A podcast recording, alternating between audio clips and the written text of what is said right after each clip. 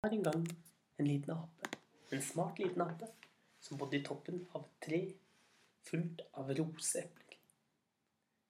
Det var de deiligste, søteste eplene som du kunne tenke deg. Og der satt den hver dag og spiste av de gode eplene sine. En dag så kom det svømmende en krokodille. Den hadde svømt langt på leting etter mat, og den var så sulten. Den snille med apen som satt oppi treet, sa at eh, krokodillen kunne få litt roseepler av den. Og krokodillen smakte på de, og det var det deiligste krokodillen noen gang smakt. Han takket apen, og de begynte å snakke. Og så spurte krokodillen om ikke han kunne komme tilbake dagen etter og spise mer roseepler. Det ville gjerne den lille apen. Så neste dag, tidlig neste morgen, da kom krokodillen. Og spurte om ikke han kunne få noen roseepler. Og den lille apen kastet ned roseepler. Krokodillen spiste dem og takket veldig for de gode eplene. Og siden så satt de og snakket med hverandre helt til kvelden kom. Og når kvelden kom, da svømte krokodillen tilbake igjen. Og neste morgen så var han tilbake og spurte om han ikke kunne få noen roseepler i dag òg. Og den lille apen kastet epler ned til den. Og hver dag fortsatte de sånn å spise epler og siden snakke med hverandre. Og snart skjedde det noe merkelig. Krokodillen og apen ble bestevenner. De likte veldig godt å sitte og snakke med hverandre. Og krokodillen fortalte om konen sin.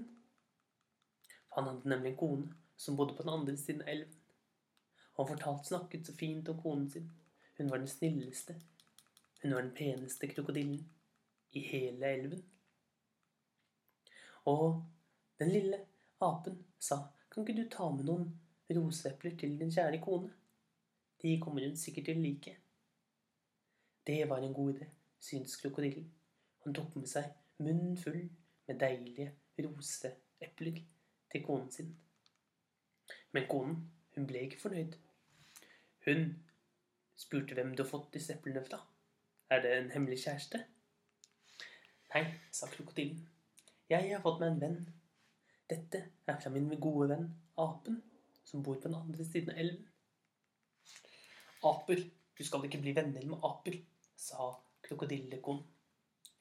Aper er til for å spises. Jeg vil spise denne apen. Nei, nei, nei, du kan ikke spise min venn, sa krokodillen.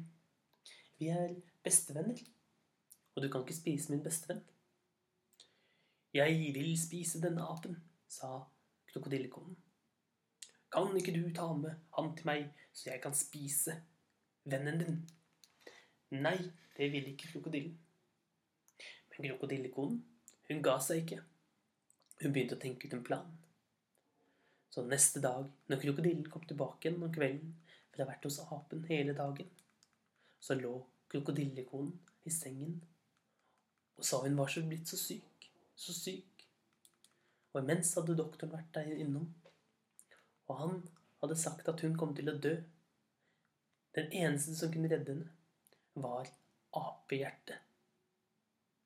Så nå måtte han, krokodillen, svømme over til den andre siden og hente vennen sin, sånn at, sånn at hun kunne bli reddet.